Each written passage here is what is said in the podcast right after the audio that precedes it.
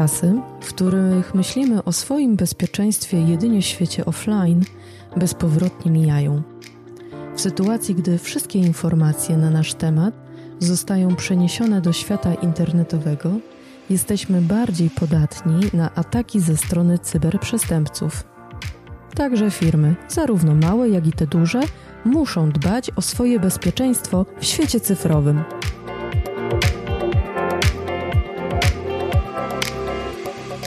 Jak dbać o bezpieczeństwo firmowych danych?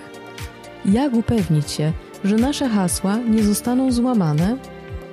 Gdzie jesteśmy najbardziej narażeni na ataki hakerów i jak one w rzeczywistości wyglądają? Nazywam się Dominika Nawrocka, a Ty słuchasz podcastu między innymi audycji Capgemini Polska poruszającej trendy i wyzwania współczesnego świata.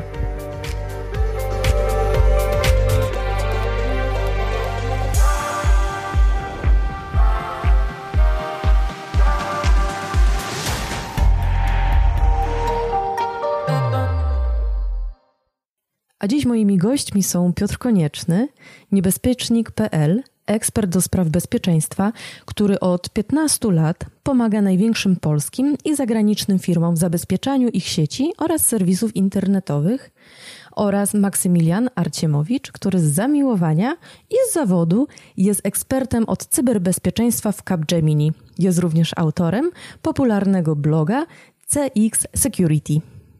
Przygotowując się dzisiaj do naszego spotkania, to sobie tak myślałam, że o cyber security, czyli e, cyberbezpieczeństwie, mówi się ostatnio całkiem sporo, bo to jest poważny temat. Chociaż ja mam takie wrażenie, że część osób ciągle go traktuje jako temat trochę z przyszłości, trochę tak, okej, okay, jest on poważny, a przynajmniej do momentu, kiedy coś nam się stanie. No i właśnie, jakie jest prawdopodobieństwo, że możemy zostać zaatakowani? I zacznijmy od Piotra. E, niezerowe, powiem tak po matematycznemu, e, ale generalnie wydaje mi się, że większość z nas już była zaatakowana i nic nie wskazuje na to, że cokolwiek nam się zmieni. E, nie wiem, czy ty, Dominiko, przypominasz sobie jakąś sytuację, w której ktoś chciał cię w jakikolwiek sposób w tym cyberświecie zaatakować? Może jakieś maile? Na pewno jakieś dostałaś SMS-y też, jestem pewien. Myślę, że tak, chociaż najbardziej poczułam się tutaj dotknięta w momencie wielkiego wycieku z Morelenet, ponieważ aktywnie tam kupowałam.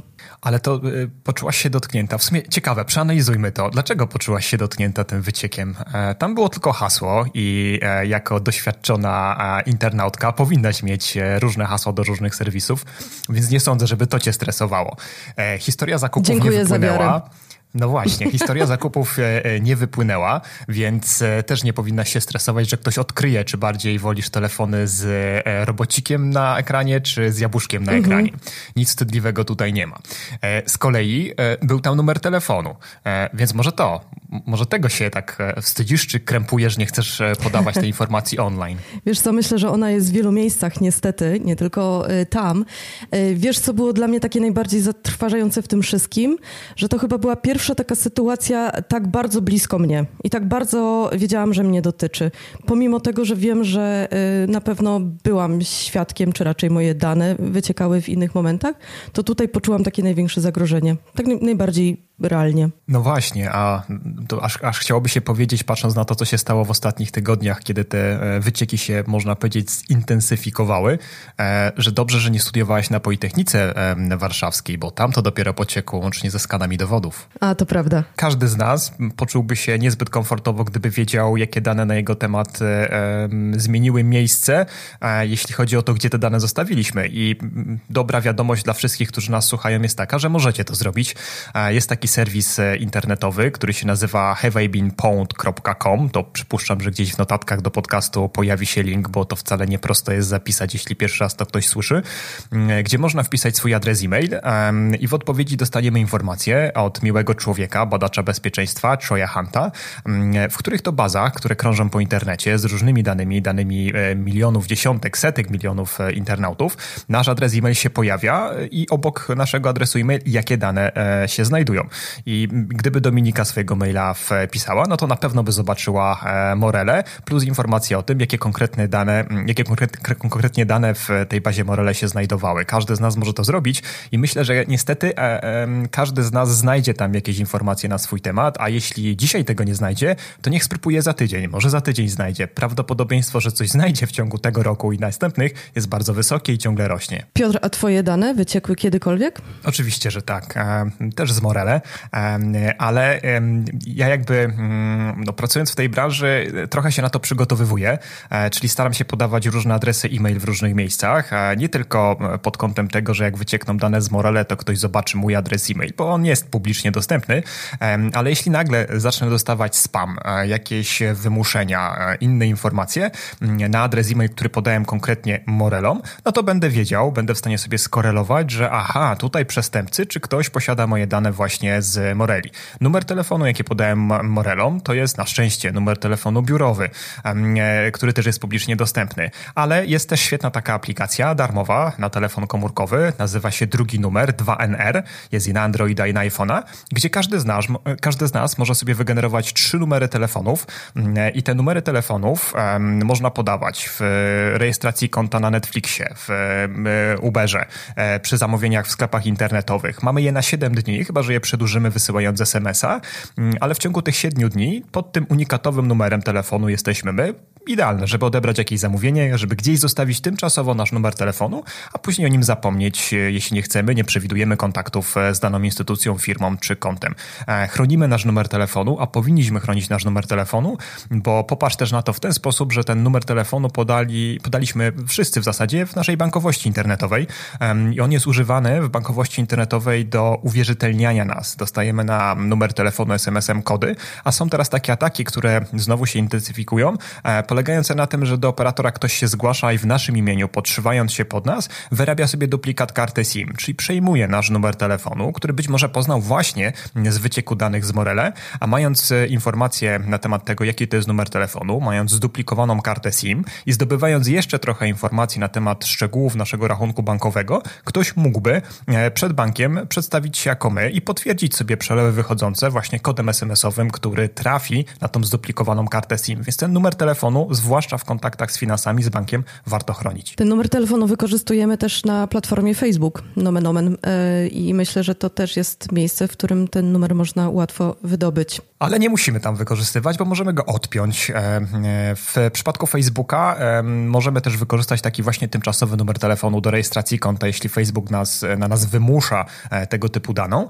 Natomiast później, żeby używać numeru telefonu na Facebooku do, jak się domyślam, ochrony procesu logowania, to możemy z tego zrezygnować, zamieniając ten numer telefonu na aplikację mobilną Facebooka, która będzie nam generowała kody, albo na taki specjalny fizyczny token. No, tu już trzeba wydać około 80 zł, żeby się w niego wyposażyć e, i wtedy to nasze uwierzytelnienie do Facebooka opieramy nie tylko login i hasło, ale też właśnie coś, co mamy. Albo kod z aplikacji, albo właśnie taki fizyczny e, e, dodatek, który jest w postaci ala pendrive'a podpinanego na czas logowania. To nie musi być numer telefonu. Mhm, to tak się tylko teraz zaczęłam zastanawiać, czy to nie jest teraz tak, że aby chronić własne dane osobowe, trzeba troszkę nie chcę użyć słowa oszukać system, ale troszeczkę się nagimnastykować i na przykład stworzyć fikcyjny numer telefonu. To chyba nie do końca jest etyczne. Czy ja wiem?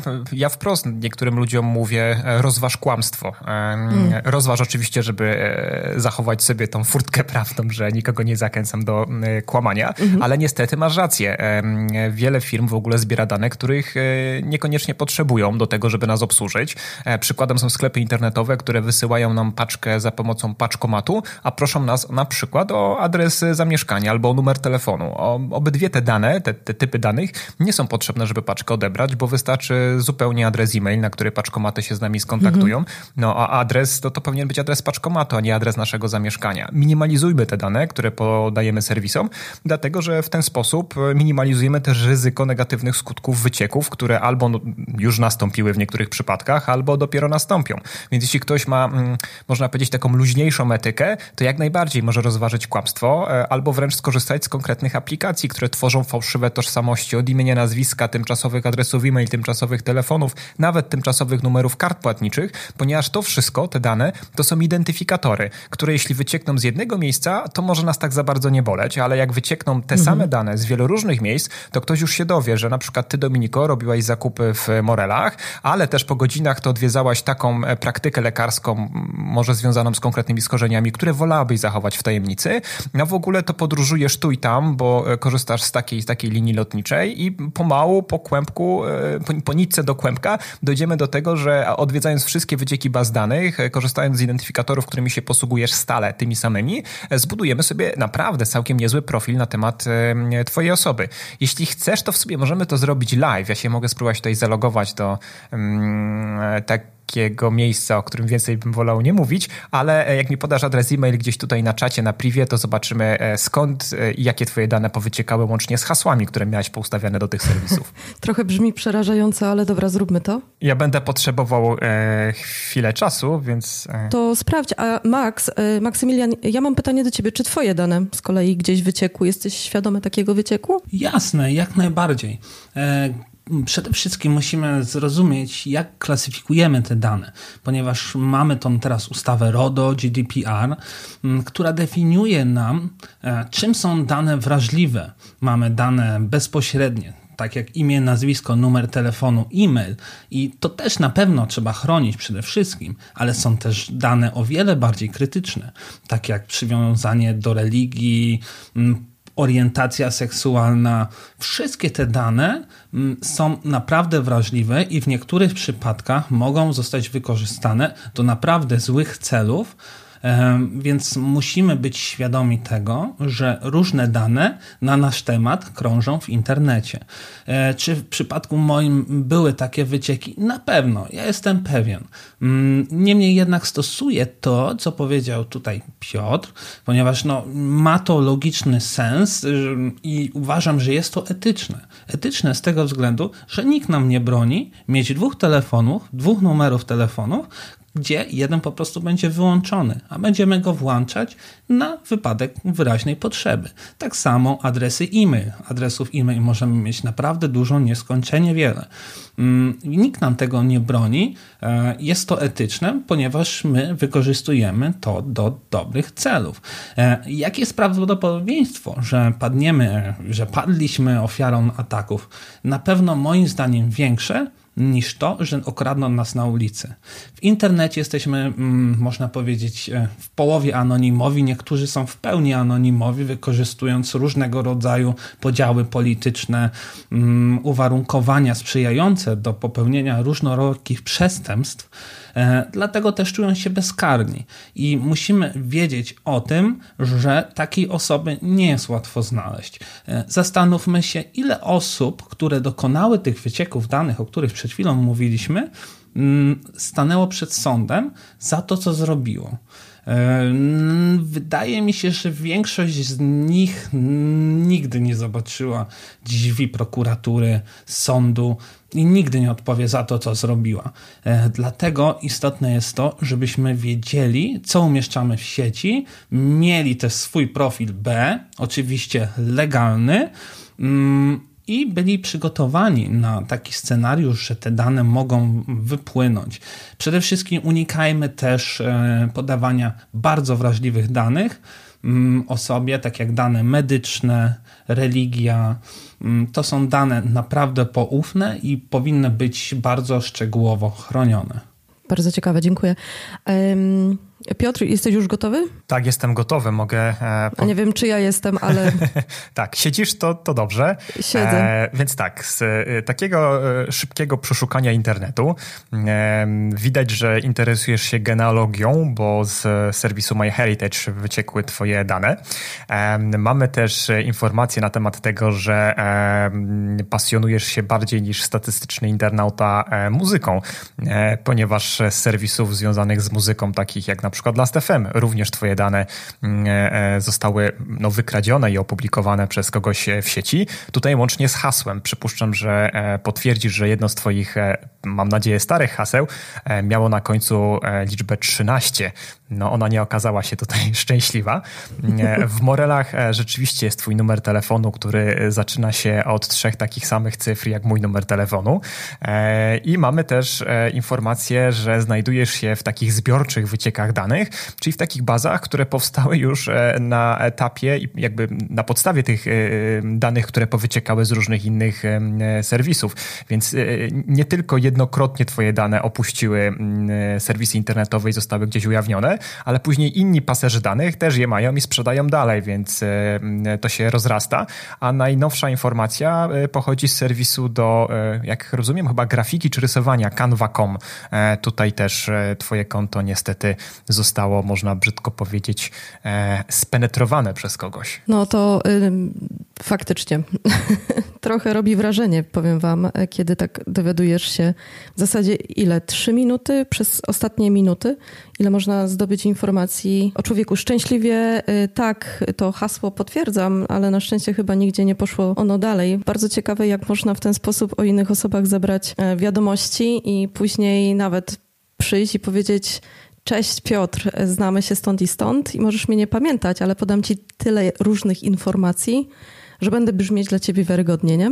E, tak, wiesz co, nawet e, tego typu informacje są wykorzystywane w bardzo popularnym ataku, e, chyba najpopularniejszym, jeśli chodzi o zgłaszanie tego ataku do nas, do redakcji Niebezpiecznika przez przerażonych internautów, a mianowicie mm, w mailach, które w temacie cytują twoje hasło to i podają jedno z haseł, które pochodzi oczywiście z wycieków, czyli takie hasło, które każdy może zdobyć, tak jak ja przed chwilą. Zajrzałem w te wycieknięte bazy danych i, i zobaczyłem, jakie informacje akurat na twój temat tam się znajdowały.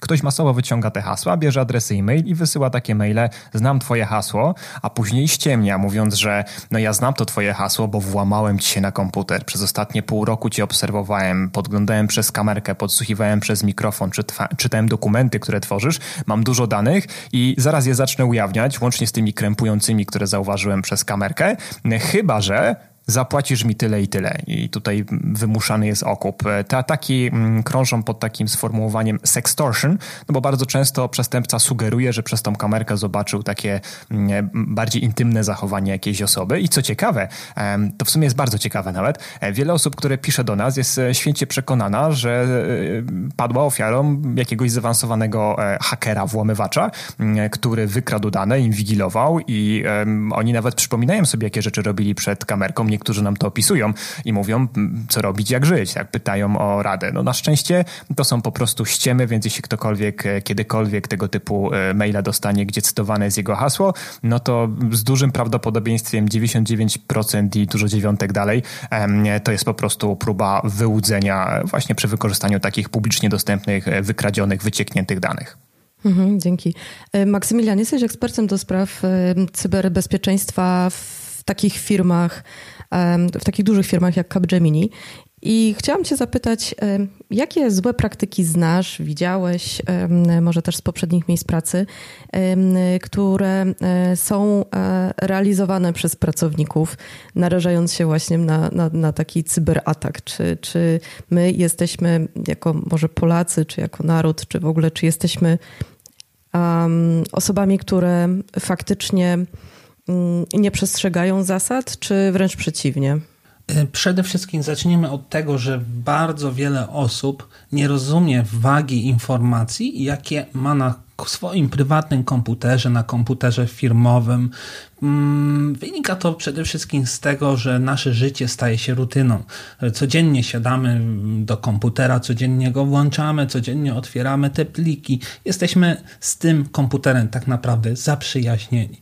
Problem zaczyna się w momencie, kiedy ta przyjaźń zamienia się w zaufanie i powiedzmy, że jeden plik z waszego komputera firmowego wycieka w sieć mm, poprzez wysłanie na zły adres e-mail, wrzucenie na Virus Total e, wycieka i mamy ogromne konsekwencje. Ten jeden plik, ten jeden wyciek może zrujnować nam karierę zawodową, może doprowadzić do poważnych konsekwencji, więc moim zdaniem, odpowiadając na Twoje pytanie, największym zagrożeniem jest nieświadomość wagi informacji. Tak jak tutaj przed chwilą Piotrek pokazał Ci o ile on rzeczy jest w stanie o tobie wyciągnąć, więc zastanów się, czy w momencie, kiedy zakładałaś konta, robiłaś zakupy, zakładałaś to, że te informacje zostaną później użyte przez Piotka, żeby powiedzieć ile o tobie wiemy. Mm, tak samo myślą przestępcy. Przestępcy szukają wrażliwych informacji e, i podstawowym takim błędem, gdzie obserwuję mm, nie tylko w naszej firmie, przede wszystkim w tych większych firmach, no, to jest to, że nie jesteśmy świadomi zagrożeń, tego, co robimy, co robimy e, też w przypadku naszych pociech dzieci, bo jesteśmy dziś targetowani od pierwszego do ostatniego dnia życia. Wyobraźcie sobie, że ktoś nagrywa wasze dziecko kilkutygodniowe i później wysyła wam to do informacji. I co wy robicie? Boicie się. W tym momencie wykorzystali też bardzo małego człowieka po to, żeby osiągnąć jakiś cel. Więc informacja, nieświadomość, jak ona jest cenna, prowadzi mm, do udostępniania ich, no i w konsekwencji do ogromnego ryzyka. Więc tutaj też należy uważać i rozumieć, że każdy plik, którym operujemy, gdzie są dane wrażliwe, zdefiniowane przez RODO, może być wykorzystany do złych celów. Mhm. Rozumiem, że laptop to jest jedno z tych urządzeń, y, które są wykorzystywane i są narażane na atak. Są jeszcze jakieś inne urządzenia, które są również mocno narażone na atak, Piotrze? Myślę, że kolejnym takim e, naturalnym urządzeniem, z którego większość z nas e, korzysta, to będzie smartfon. Nawet nie wiem, czy dla niektórych ten smartfon w dzisiejszych czasach nie jest podstawowym narzędziem pracy. Oczywiście w środowisku służbowym korzystamy ze sprzętu służbowego, który jest odpowiednio zabezpieczony przez e, działy IT, przez działy bezpieczeństwa. Natomiast w życiu prywatnym część osób porzuca już takie tradycyjne komputery, laptopy, tylko właśnie skupia się na urządzeniach bardziej mobilnych, tabletach czy smartfonach, w każdym razie urządzeniach pracujących pod kontrolą mobilnego systemu operacyjnego. I tutaj są dwie informacje, no dobra i zła. Dobra jest taka, że te systemy mobilne, one są e, tworzone później e, niż systemy takie standardowe, desktopowe, z których e, na co dzień w pracy biurowej zwłaszcza m, korzystamy, a więc one zostały zaprojektowane już z trochę większą świadomością pewnych zagrożeń niebezpieczeństwa. E, mamy tutaj model ról i uprawnień, kiedy podczas instalowania nowych aplikacji, aplikacji aplikacja nam mówi, do czego będzie chciała uzyskać dostęp, że na przykład chce mieć dostęp do naszych kontaktów, chce mieć dostęp do spotkań w naszym kalendarze, chce mieć dostęp do naszej lokalizacji. Mimo wszystko, że aplikacje nas ostrzegają, e, części osób zupełnie nie przeszkadza, żeby budzikowi e, dawać dostęp do e, mikrofonu, do książki kontaktowej i lokalizacji. Pytanie, po co? Może ktoś ma taką potrzebę, ale każda, myślę, dość rozsądnie myśląca osoba powinna zauważyć, że coś tutaj chyba jest nie tak. Mm, więc więc mamy z jednej strony mocniejsze zabezpieczenia wynikające z tego, że tego typu systemy mobilne, operacyjne systemy na urządzenia mobilne e, są projektowane z większym poszanowaniem bezpieczeństwa, z większymi mechanizmami bezpieczeństwa. Lepiej też separują nasze dane pomiędzy różnymi aplikacjami zainstalowanymi na urządzeniu, ale z drugiej strony ich powszechność powoduje, że e, niestety wiele osób zabiera te urządzenia ze sobą, przerzuca tam całość swojego życia od załatwiania spraw służbowych przez prywatne, porobienie zdjęć, trzymanie historii, historii całego swojego jestestwa, bo popatrz na to Dominika też w taki sposób, że mm, jeśli ja byłem w jakimś miejscu, którego może się wstydzę, do którego nie chciałbym się przyznawać, ja jako ja osobiście człowiek, no to ja tam byłem przez chwilę i widziało mnie kilka, kilkanaście osób i może nie będzie świadków, może nikt do tych osób nie dotrze, ale kiedy ja poruszam się po internecie albo noszę w kieszeni smartfona, to ja zostawiam stale cyfrowy świat, e, cyfrowy ślad, e, który gdzieś się odkłada, e, do którego ktoś kiedyś będzie mógł dotrzeć e, i do którego ktoś na żądanie na przykład za parę e, lat czy miesięcy dotrze i kiedy ja będę twierdził coś,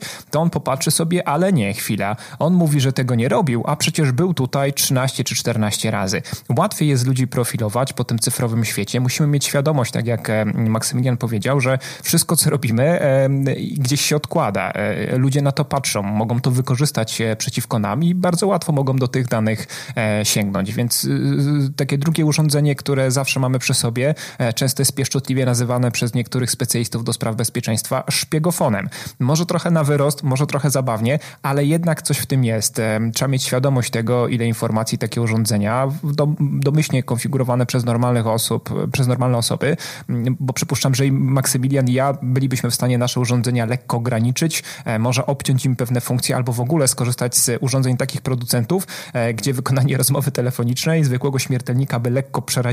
E, no ale normalni ludzie chcą łatwości, chcą taniości, a popularni producenci urządzeń nie biorą pod uwagę za bardzo bezpieczeństwa, bo oni chcą szybko wyprodukować nowy model słuchawki, jak najszybciej, mówiąc kolokwialnie, wypchnąć go na rynek i sprawić, żeby wiele osób z niego korzystało. To bezpieczeństwo jest tak naprawdę drugofalowe, chociaż e, faktycznie coraz więcej producentów e, stawia na prywatność i na bezpieczeństwo jako na takie keywordy reklamowe, marketingowe, którymi chcą docierać do coraz większych e, grup bardziej świadomych konsumentów, co w sumie jest bardzo dobre i kibicuje każdej takiej firmie. No właśnie miałam pytać, profilowanie dobre czy złe? Bo część osób, myślę nawet cały czas żywo dyskutuje, że Google podsłuchuje, Facebook podsłuchuje to jak to jest? Podsłuchują, nie podsłuchują, profilowanie dobre, profilowanie złe? No ja się do czegoś przyznam. E, ja włączyłem sobie profilowanie po reklamach. E, wiem, jak to może brzmieć, e, bo wiele osób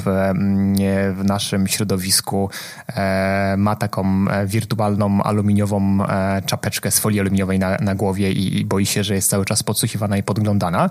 Mm, ja jestem świadomy pewnych zagrożeń i też zdaję sobie dokładnie sprawę z tego, że większość firm zarabia na sprzedawaniu reklam.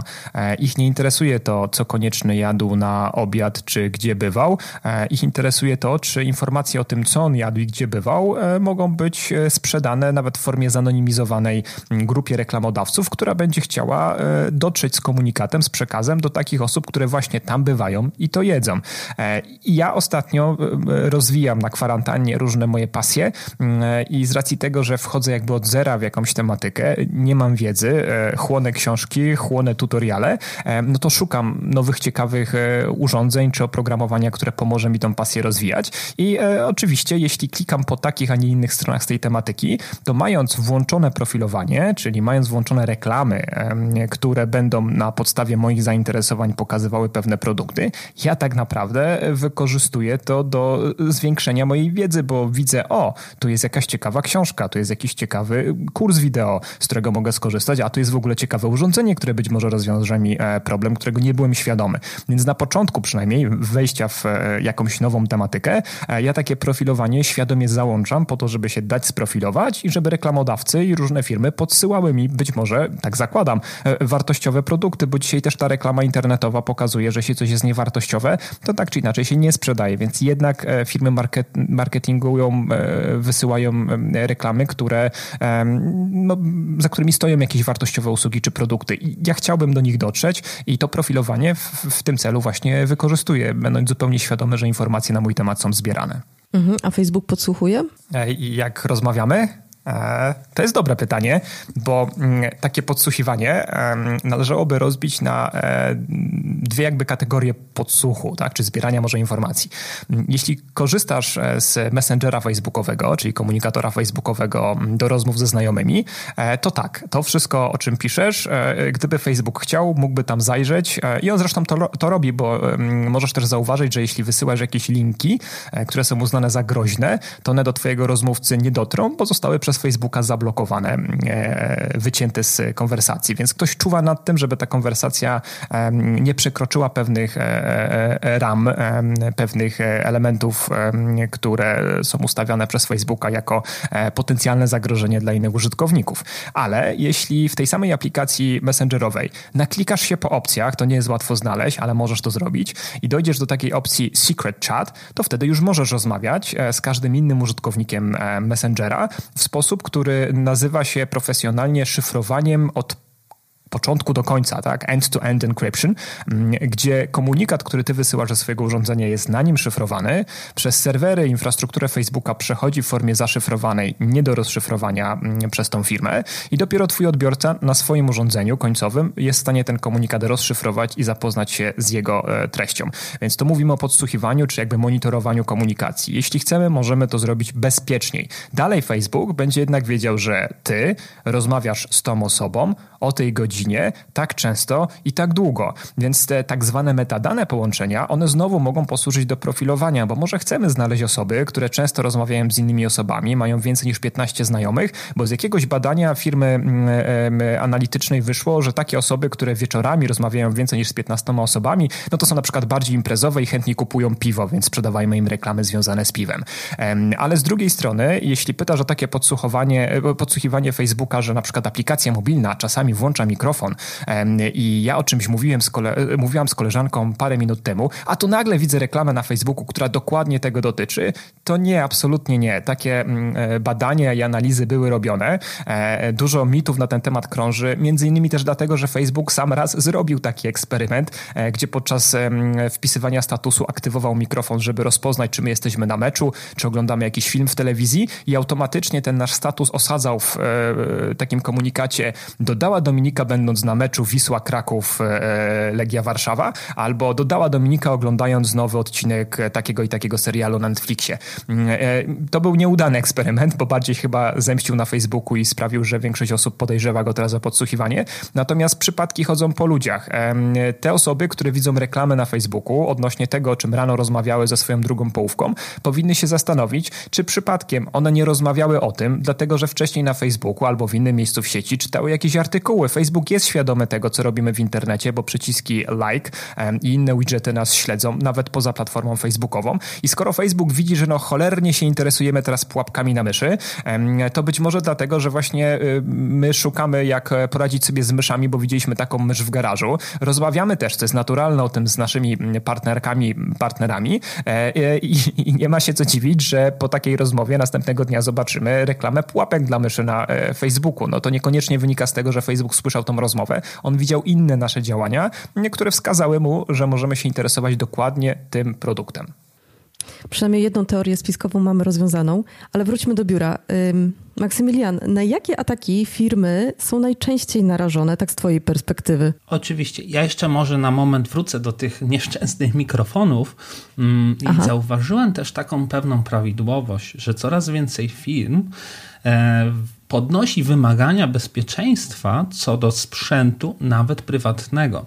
Czytaj, jeżeli pracujemy teraz w domach, e, w większości przypadków w informatyce, home office, mm, są firmy, są projekty, które nie zezwalają na przykład, abyśmy mieli włączone Siri e, by default, tak żeby Siri mogła nadsłuchiwać ten moment, kiedy powiemy Hello Siri, open Safari i w tym momencie Siri automatycznie bez naciskania telefonu otworzy nam Safari. Jeżeli taki telefon będziemy mieli na przykład przy jakiejś rozmowie telefonicznej czy telco e, dla klienta firmy, która nie zezwala, jest to wyciek danych. Oczywiście te dane nie zostaną użyte do profilowania, jednak z definicji jest to wyciek danych i to rośnie. Ten brak zaufania do Siri, do Alexy, Amazona, do tych wszystkich mikrofonów radykalnie spada.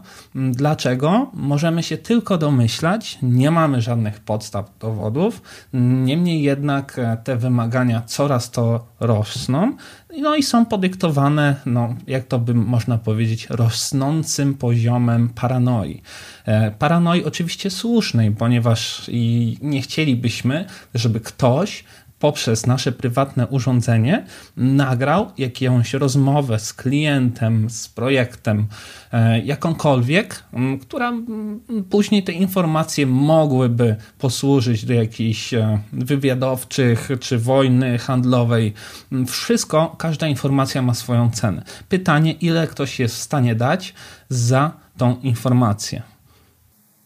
To ja jeszcze dodam do tego, co Maksymilian mówił, bo, bo to jest bardzo cenna uwaga, e, że nie tylko Siri, Alexa, czyli te rzeczy wbudowane w inteligentne głośniki i e, e, mobilne urządzenia, ale także e, telewizor Samsunga na przykład, który wisi na ścianie. E, Smart TV mają e, mikrofony, więc jeśli prowadzimy taką telekonferencję firmową i mamy taki nakaz oddziału bezpieczeństwa zupełnie uzasadniony, żeby nie było urządzeń z mikrofonem w okolicy, no to albo tele, telewizor z gniazdka albo telewizor wynosimy do innego pokoju, e, bo tutaj rzeczywiście te mikrofony wzbudzane są e, naszym głosem i często nie mają takiej mocy przerobowej, żeby przeanalizować to, co my do nich mówimy i zrozumieć e, bezpośrednio lokalnie na urządzeniu, tylko właśnie wysyłają gdzieś w chmurę, a były przypadki wycieków danych z takich chmur producenckich i były też przypadki tego, że te nagrania, które do chmury i teoretycznie przez algorytmy mają być rozpoznawane, zamieniane na treść, na mowę, były tak naprawdę przepisywane przez ludzi, zwyczajnych pracowników i do korzystania z takich firm, które tłumaczą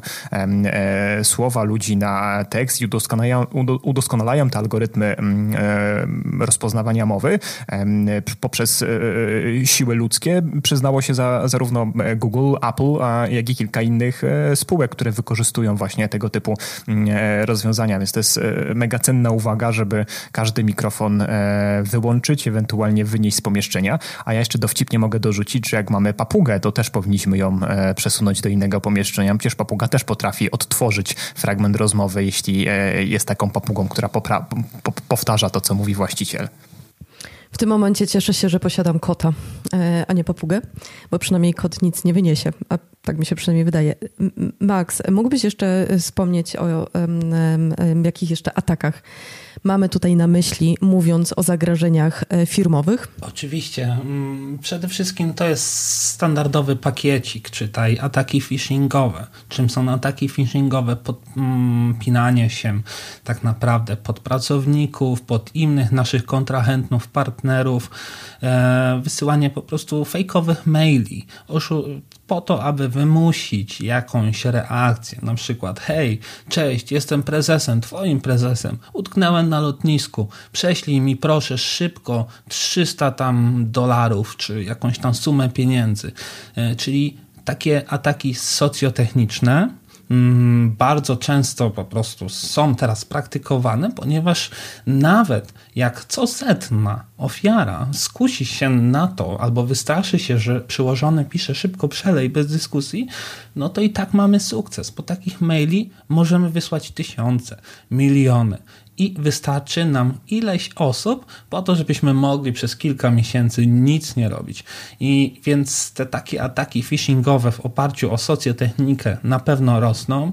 Mm, no i przede wszystkim drugim takim można rozgałęzieniem e, z innej beczki atakiem, no to są już e, wysyłanie złośliwego oprogramowania w celu przejęcia maszyny, e, wykradnięcia haseł, Mm, na niej znajdujących się, bądź po prostu zaszyfrowania treści. Znamy niejednokrotne przypadki, kiedy to dyski były szyfrowane i kończyło się to naprawdę dramatami ludzkimi i niejedna osoba przez zaszyfrowany dysk straciła życie. Dlaczego? E, są znane przypadki, kiedy to dane serwerowe, na przykład szpitali leczniczych, były zaszyfrowane, no i nie można było pomóc ludziom, którzy potrzebowali tej pomocy natychmiast. Nie można było dojść do historii choroby danej osoby, aby jej pomóc. Kończyło się to często też śmiercią. Mm, może nie bezpośrednio, ale wpłynęło na formę pomocy, jaką mogliśmy udzielić tej osobie. Więc szyfrowanie dysków jest bardzo groźne, może zaburzyć nasz biznes, a wystarczy przecież otworzyć jeden plik zainfekowany, e, który zainfekuje nasz komputer, ba, może też zainfekować serwer lokalny, z którego korzystamy wraz z iloma mm, naszymi znajomymi z pracy, kompanami, e, gdzie razem przechowujemy dane. I w tym momencie sparaliżujemy całą firmę e, i takie też przypadki w swoim życiu przerabiałem, gdzie po prostu jedna osoba zablokowała pracę całego departamentu, całego działu. To wszystko poprzez wysłanie maila, otworzenie, więc chyba najważniejsza zasada ograniczonego zaufania. No właśnie, to Maksymilian, tak idąc dalej, e, to co, jeśli nasz sprzęt już zostanie zainfekowany? Bo rozumiem, wyłącz i włącz w tym momencie się niestety e, nie sprawdzi. To co zrobić? Przede wszystkim e, trzeba myśleć racjonalnie e, i skontaktować się z osobami do tego kompetentnymi, czyli wyłączamy sprzęt i dzwonimy po support. Opisujemy całą sytuację, e, no i dajemy nasze po prostu e, dusze, jak to można powiedzieć, specjalistom od tego zajmującym się. Oni będą wiedzieć, czy możemy włączyć komputer od, z dostępem do internetu, czy bez dostępu do internetu, czy w ogóle nie możemy włączać tego komputera po to, żeby zrobić kopię zapasową danego dysku. Przede wszystkim trzeba zgłosić ten fakt do Departamentu Bezpieczeństwa. Wiele osób tego nie robi, ponieważ boi się konsekwencji z tego wynikających. Strach jest mm, takim blokerem przed podjęciem szybkiej decyzji, ponieważ szybkość ma tu ogromne znaczenie, bo nie, bo nie wiemy, czy zaraz w tym momencie te dane już płyną, czy już 20% dysku zostało zaszyfrowane, czy 100. Jeżeli cały dysk zostanie zaszyfrowany, e, a my ten incydent zgłosimy po kilku godzinach, no to będziemy jeszcze mieli większe kłopoty niż mogliśmy mieć wcześniej. A czy znane są Wam jakieś głośne ataki phishingowe? Czy, czy w ogóle o takich atakach jest głośno? Czy to raczej odbywa się w kuluarach firmowych? Yy, o wielu atakach się nie mówi, ale o wielu możemy przeczytać dzięki Piotrowi. Piotr, to jak to z tymi atakami? Który według Ciebie był taki najbardziej spektakularny?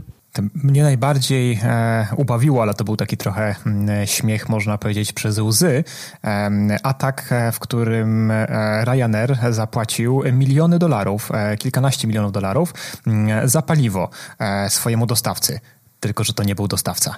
E, hmm. Dlatego, że ktoś po prostu, mm, znając pewne procedury, e, terminarze płatności, wysłał maila podrabiając adres e-mail dostawcy do Ryanaira, a Ryanair, spodziewając się e, takiej faktury, tą fakturę wrzucił w swój system i ją opłacił. Czyli można tutaj powiedzieć o mm, pewnym braku rzetelności albo braku szczelności procedur związanych z opłacaniem zobowiązań finansowych przez konkretną firmę. O takich atak, atakach, o których, które nazywa się e, CEO fraudem, czyli właśnie ktoś się pod, podszywa albo pod e, menadżera jakiejś spółki i wymaga coś. E, to jest to, o czym mówił Maksymilian, albo zwanych back fraudami, czyli business email compromise, gdzie ktoś podszywa się pod daną skrzynkę mailową albo wprost przejmuje skrzynkę jakiegoś pracownika, zapoznaje się w jakich procesach ten pracownik bierze udział, a później po prostu duplikuje te faktury, tylko zmienia numer rachunku bankowego.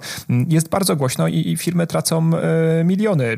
2,5 miliona bodajże stracił jeden z podlaskich e, urzędów miasta, który za e, drogę świeżą, nową, otwartą, wybudowaną też zapłacił nie temu podwykonawcy, któremu powinien, ba nawet spółki Skarbu Państwa Polskie, które zajmują się obronnością. No, można byłoby pomyśleć, że jak obronność, to większe bezpieczeństwo.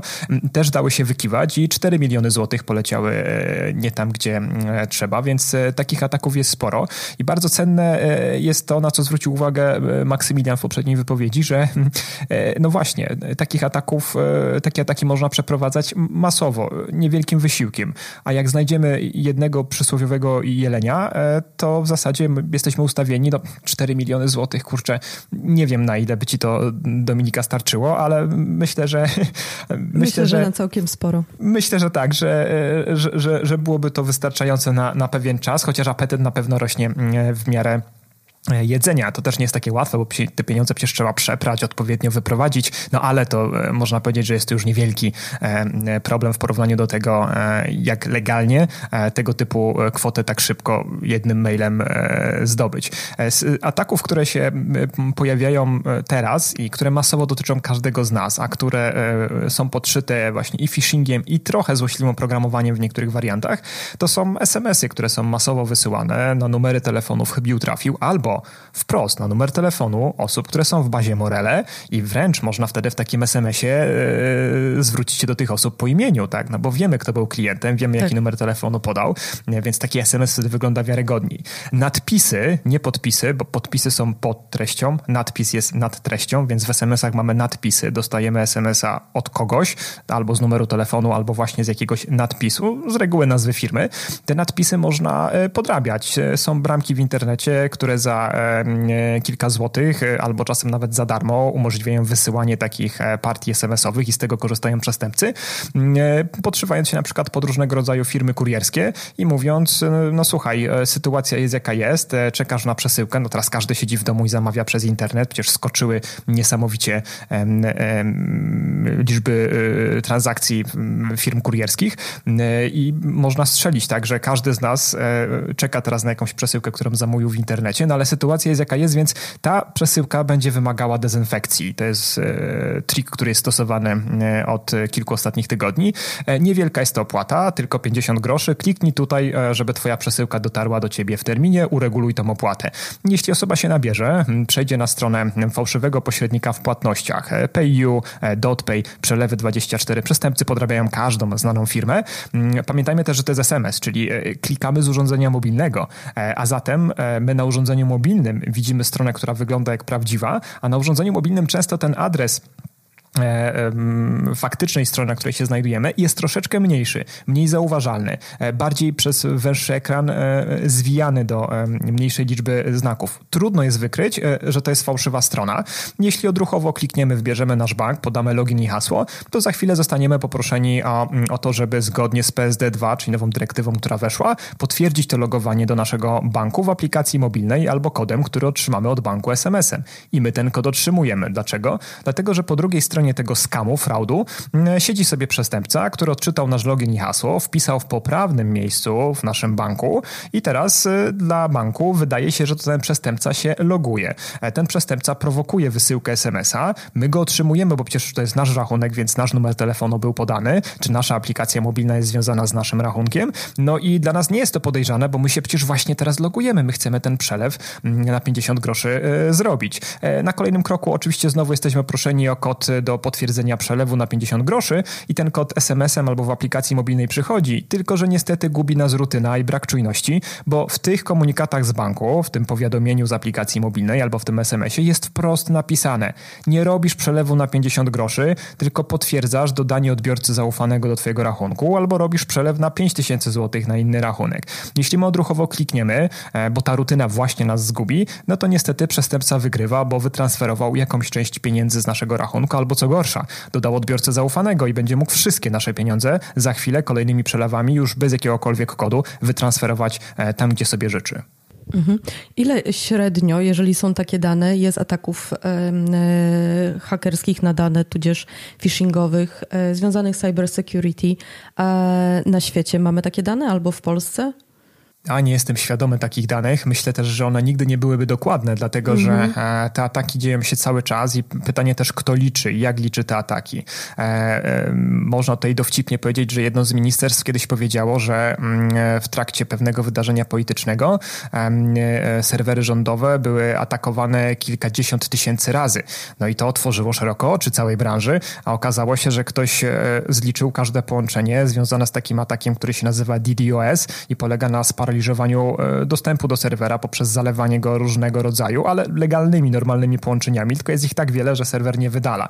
Ciężko tutaj powiedzieć, że było to 35 czy tam e, kilkadziesiąt tysięcy atakujących. No nie, pewnie Jasne. był to jeden e, dowcipny i to jeszcze być może gimnazjalista, który skorzystał z tak zwanego stresera albo bootera, czyli usług, które tego typu ataki DDoS realizują w internecie za 5 do 7 dolarów. Więc czasem wyobrażamy sobie, że tam są mityczni hakerzy, jak na amerykańskich filmach ubrani w lateks, e, ganiający trójwymiarowe wirusy, ale w rzeczywistości to może być e, e, jeden pryszczaty gimnazjalista, który z racji tego, że ma mniej teraz zajęć w szkole, odkrywa nowe, ciekawe strony w internecie i testuje rozwiązania, bo akurat ma trzy wolne dolary, które może wydać na tego typu mm, usługę. Zresztą dzieciaki tak naprawdę doskonale znają te usługi, bo one przede wszystkim są wykorzystywane nie do tego, żeby, nie wiem, atakować cele rządowe, czy wykonywać ataki na jakieś prawdziwe firmy, tylko raczej do tego, żeby unieruchomić przeciwnika w grze online, który to przeciwnik zalany takim ruchem, jego łącze jest wolniejsze, mniej informacji przesyła do serwera e, gier, przez to w tej grze można powiedzieć, że laguje, nie rusza się tak szybko i łatwiej jest go zabić. To robią dzieciaki mhm. codziennie. E, a Maksymilian, e, czy firmy pokroju Capgemini często są narażone na ataki? Czy jest to skala dnia, tygodni, miesięcy, roku? Codziennie. Codziennie. Nie oszukujmy się, wiele z tych ataków jest automatyzowanych. Czytaj ktoś zapuści taki atak i one się dzieją naprawdę nieprzerwanie 24 na 7, 30 dni w miesiącu. E, są skrypty, automatyzacja. Dziś żyjemy w erze automatyzacji. Wiele hakerów też wykorzystuje ten aspekt. Oczywiście nie wszystkie się da zautomatyzować, tak jak testów penetracyjnych, bo mm, jeżeli byśmy je w pełni zautomatyzowali, nie byłoby takiego zapotrzebowania na pentesterów, na hakerów, bug tych wszystkich programów. Mm, I niemniej jednak można niektóre ataki tak zautomatyzować, aby Capgemini codziennie atakować. Z swojego doświadczenia wiem, e, że tak się dzieje. Codziennie mm, jesteśmy atakowani. Nie są to grubsze ataki, e, czytaj jakaś phishingowa strona, fałszywa strona czy coś. Takie rzeczy też się zdarzają raz na jakiś czas, raz w miesiącu, e, czy tego typu mm, zakres czasowy ale się zdarzają. Ja może powiem tak, e, jak często ja jestem atakowany. Mm, z pewnego dnia jesiennego, ostatniej jesieni, postanowiłem sprawdzić, czy na pewno nie mam żadnego wirusa Trojana w domu. Tylko jak to sprawdzić? Po tych urządzeniach sobie policzyłem, no tak 20-30, łącznie z komputerami, z telefonami, co jest podłączone do internetu. No i jak to wszystko sprawdzić? Zainstalować antywirusa, tylko jak zainstalować antywirusa na czymś, na czymś się nie da zainstalować antywirusa. No i zbudowałem taki swój system do wykrywania włamań oparty na Suricate po to, żeby mm, sprawdzić, czy wszystkie urządzenia podpięte do internetu mm, są bezpieczne. I niestety, ale znalazłem jedną infekcję. E, gdzie ona się znajdowała? Mm, no, oczywiście nie na moim komputerze, tylko na tablecie dziecka. E, który wysyłał dane do Chin e, na adres obrazka PNG w postem w bardzo specyficzny sposób, cyklicznie wysyłając dane mm, i to przedstawia nam obraz tego, że tak naprawdę non-stop jesteśmy atakowani. Nasze rodziny, nasze gospodarstwa domowe mm, niekoniecznie mogą zostać zaatakowane e, poprzez nas jako wektor ataku, tylko naszych bliskich. I tak samo jest z firmami. Jeżeli e, nie uda się mm, zaatakować Capgemini bezpośrednio, to może się uda zaatakować firmę, która sprząta Capgemini, ponieważ też ma jakieś tam dostępy, jest blisko tej firmy. E, więc te ataki są codziennie i na różne osoby, które, z którymi mamy bezpośredni, pośredni kontakt. Bardzo dziękuję. Panowie, y, macie bardzo ciekawą pracę i szaleńczo y, ważną. Ja dziękuję Wam za, za świetną rozmowę, y, która chyba już wszystkim pokazała, nawet tym zagorzałym niedowiarkom, że zagrożenie jest tu i teraz i warto dbać o dane, i warto być rozważnym, i warto zmieniać hasła. Bardzo dziękuję.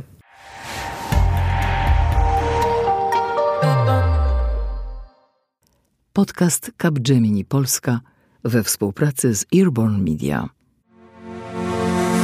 Earborn Media.